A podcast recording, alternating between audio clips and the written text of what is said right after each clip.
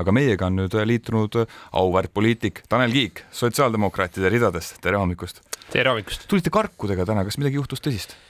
ma juba kuu aega liigun karkudega, et äh, käisin põlveoperatsioonil, mis oli ammu plaanitud ja äh, taastun vaikselt. no terviseteemadel me ka jätkame võib-olla natukene administratiivsel äh, nurga alt. nimelt siis äh, Narva haigla juhti üritab äh, Aleksei Jevgrafov äh,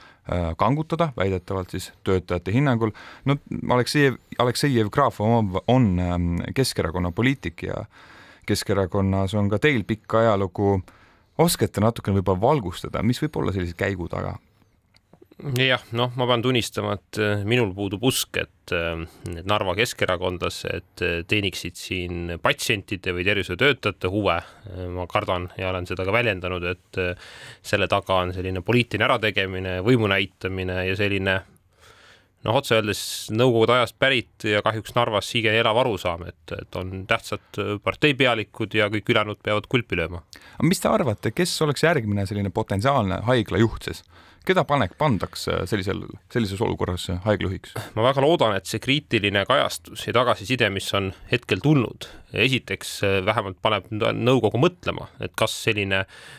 doktor Kõrgvee ametist kangutamine üldse on põhjendatud, mina ei ole näinud neid argumente. Ja teiseks, kui nad siiski doktor Kõrgvee ametist maha võtavad, oma jõudu näitavad, siis nad vähemalt ei julge enam panna sinna mingit kohalikku äh, parteitegelast äh, haiglat juhtima, nagu korra kunagi on tehtud, ehk härra Jevgrafov ise on ennast kunagi lasknud Narva haiglat äh, juhiks määrata, kui ta kunagi linnapea kohalt tagandati, ehk seetõttu ka varasem nii-öelda noh, mineviku tegevus seal äh, ei anna liiga palju optimismi, aga selline meedia tähelepanu kindlasti äh, paneb ka poliitikuid vähemalt mõtlema, enne kui nad äh, väga nahaalseid samme astuvad. see on hästi huvitav, te olete täna sotsiaaldemokraatide ridades ja räägite suhteliselt avatud kaartidega, kuidas Keskerakonnas asjad on käinud ju aastaid tagasi, ka ajal, mil te olite ise Keskerakonna liige. see on pigem Narva eripära, aus öelda, ehk ma ei kujutaks ette, et mujal on see Tallinn, Tartu, muudes piirkondades sellisel viisil päris haiglajuhte või asutuste juhte valitaks. ja tõsi on ka see, et mul on nii-öelda lihtne seda kriitikat teha, sest kohe, kui Keskerakond Narvas võimule tuli nüüd eh, sügisel selle pöördega,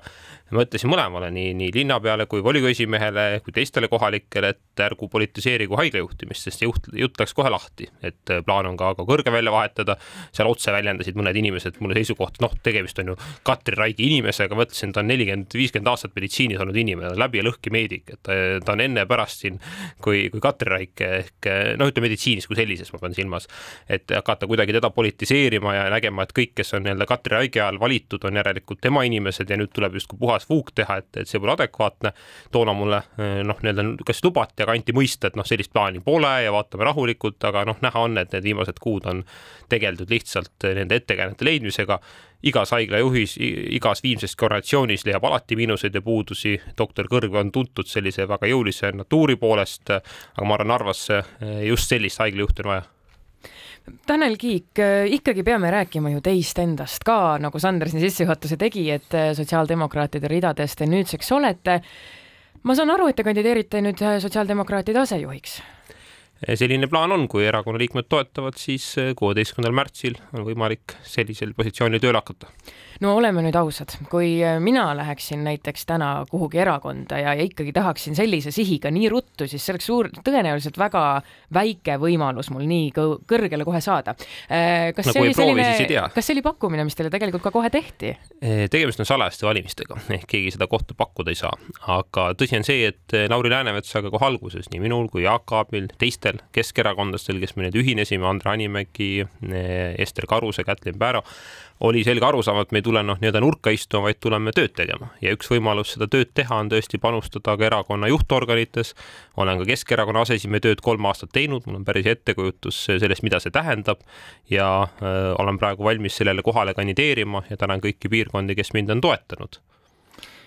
me ei saa ju, ähm, me ei saa unustada seda, et Keskerakonna kongress ei olnud mitte väga kaua aega tagasi. Ja, ja ma mäletan, noh, võib-olla iga inimene ei ole lugenud, mina Sander ajakirjanikuna kindlasti oleme ka teie sõnavõttu juba seal lugenud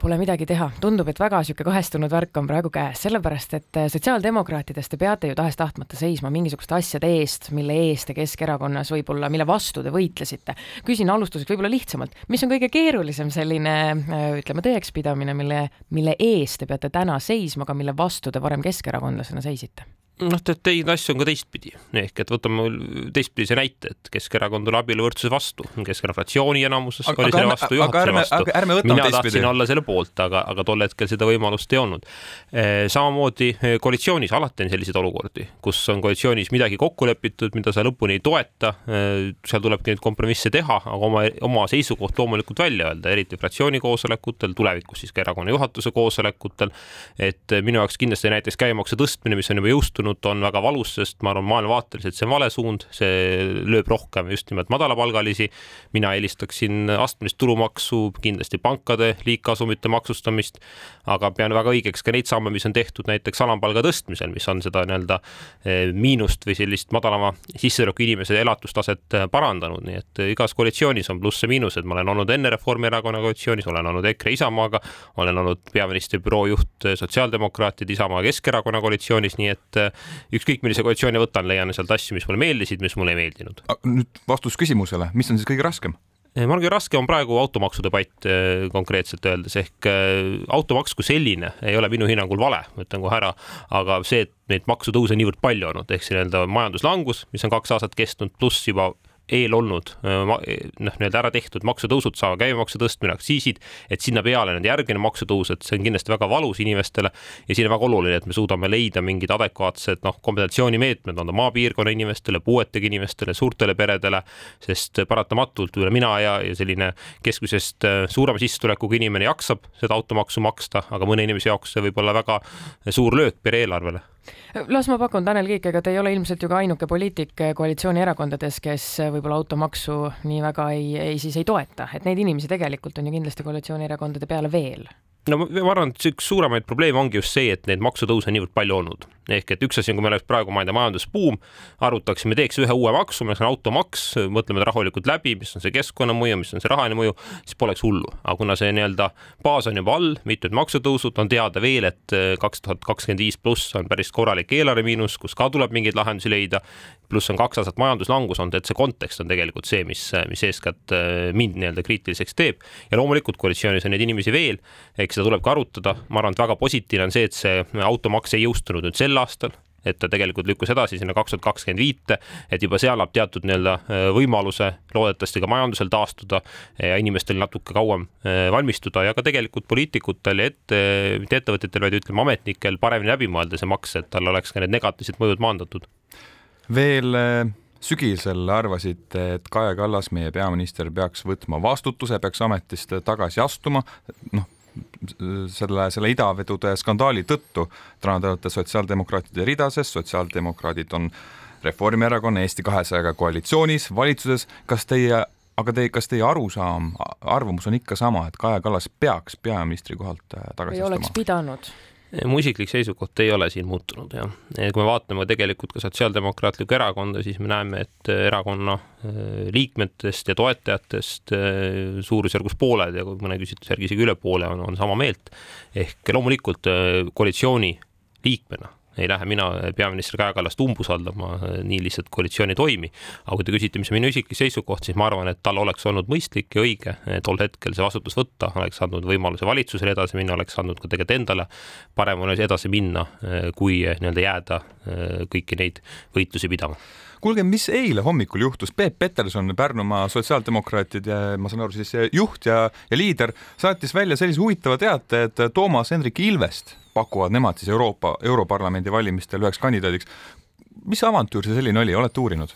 Väga julge ettepanek ja ma olen kursis sellega, et, et neil selline mõte on, noh, kui mõelda niimoodi, kes on olnud kõige edukamad Euroopa Parlamendi kandidaadid, siis äh, seitsekümmend viis tuhat pluss häält, mida Toomas Hendrik Ilves kaks tuhat neli aastal sai, ei ole küll nii-öelda rekord äh, nominaalväärtuses, aga rekord protsentuaalselt ehk toonast valimisaktiivsust arvestades tegelikult Ilvese häältesaak oli isegi suurem kui Indrek Tarandi äh, enam kui sada tuhat häält kaks tuhat üheksa aasta valimistel. nii et ta on läbi Eesti ajaloo kõige edukam Euroopa Parlamendi valimiste kandidaat ja ma saan aru, miks Pärnumaa piirkond ta välja pakub, iseasi see, kui huvitatud ta sellest täna on. no võib-olla iseasi on ikka hoopis see, et kas enne tasuks Ilvese endaga ka rääkida, kas ta ikka tahab üldse kandideerida enne no, kui see teada välja saata. mõnes mõttes on niimoodi, et praegu esitatakse ju kandidaadi kandidaate ehk et on võimalik üles seada ka neid, kelle nõusolekut ei ole, aga noh, kui küsida minu käest, siis jah, ma pigem eh, piirkonna juhina eh, kindlasti enne suhtleksin, ma ei ole kursis sellega, kas Pärnu piirkond seda tegi eh, või teinud, aga iseenesest tegemist on ju sellise austava ettepanekuga, et see ei ole ju mingisugune tanki panemine, vaid see on inimesele võimalus kaaluda, kas tal on selline ambitsioon ja huvi või mitte. umbes nii nagu Koit Toomega, kui teda kultuuriministriks pakkusite Keskerakonnas. talle ma ikka helistasin enne ise, et okay. mitte, mitte ei saatnud meediateadet välja kas, kas no asejuhina, kui te kandideerite asejuhiks, no kindlasti olete kursis ja saate ka kinnitada, et Marina Kaljurand on ikkagi see põhiline Europarlamendi soosik praegu sotside ridades? ma arvan, Marina Kaljurand on teinud väga head tööd Euroopa Parlamendis, tal on märkimisväärne rahva toetus, nii et loomulikult tema on erakonna esinumber. mul on väga hea meel, et kandideerib ka Sven Mikser, samuti kogenud eurosaadik, endine välisminister, endine kaitseminister, endine erakonna esimees, endine keskerakondlane, kui, kui siin nii-öelda seda pikka endiste rida pikendada. ehk ma arvan, et sotsiaal Sotsiaaldemokraatlik Erakond paneb välja äh, väga tugeva nimekirja ja lähme püüdma kahte mandaati, mis oleks ka Eesti huvides, sest teatavasti Sotsiaaldemokraatlik fraktsioon on Euroopa Parlamendis suuruselt tõenäoliselt teine fraktsioon, olnud kohati ka esimene, ehk ta on üks olulisemaid fraktsioone, olulisemaid otsustajaid, nii et Eesti huvides on, et meil oleks seal tugev esindatus ma pean küsima ühe küsimuse, mis mul nagu kuidagi on sees pakitsenud ja hinges olnud päris pikalt. nimelt, et Jüri Ratase väga lähedane ja ustav äh, poliitik, tema parem käsi, vähemalt meedias kõlasid sellised äh, arusaamad ja siis ühel hetkel äh, Jüri Ratas tema enda peaministriks oleku ajal, teid ei kaitsenud EKRE poliitikute eest, nüüd te olete erinevates parteides. ma küsin, mis juhtus ja kas te olete natuke pettunud ka, et see, need suhted niimoodi nüüd siis sassi on läinud või? Ei ole pettunud ja suhted ei ole sassis, ehk äh, see, et äh, Jüri Ratasel ja mul on teatud küsimustes väga sarnane maailmavaade, aga teatud kohtades erinev, seda ma teadsin ju ammu. et see võib-olla, kui avalikkusest nii palju välja ei paistnud, on põhjus see, et me olime ühes erakonnas ja tihtipeale ühe sama erakonnakaaslased üksteisega nii-öelda meedias nii-öelda piike ei, ei rista aga see, et mina ja Jaak Aab, Andre Hanimägi, Ester Karuse, Kätlin Pääro ja veel mitmed oleme valinud Sotsiaaldemokraatliku Erakonna tee, on minu meelest ainuõige ja mõistlik, sest tõesti meie maailmavaade näitab sellist tugevat solidaarset riiki, õiglast ühiskonda, maksusüsteemi, see, et Jüri Ratas, Jaanus Karilaid, Tõnis Mölder tegid teise valiku, nii nagu ka Triin Varek, et küllap nende seaks, jaoks siis need mõnda rahvuslikud väärtused või selline välisjulgeolekupoliitiline suund äh, tundus olulisem, et äh, ega erakond on selline vabatahtlik organisatsioon, et, et tegemist ei ole vangla või vangilaagriga, kus pead elu lõpuni olema, ehk et äh, seal tehaksegi valikuid, milline erakond sulle kõige sümpaatsem on. loomulikult see erakond ei vaheta iga aasta või, või iga kuu, aga see, et poliitilise karjääri jooksul seda tuleb ette, et neid poliitikuid on Eestis, on maailmas noh, lõputult ja lühidalt jah, ei küsimus. Tanel Kiik, kas te olete hetkekski kahetsenud, et Keskerakonnast lahkusite? ei ole. suur tänu, Tanel Kiik, täna hommikul meiega arutlemast. aitäh kutsumast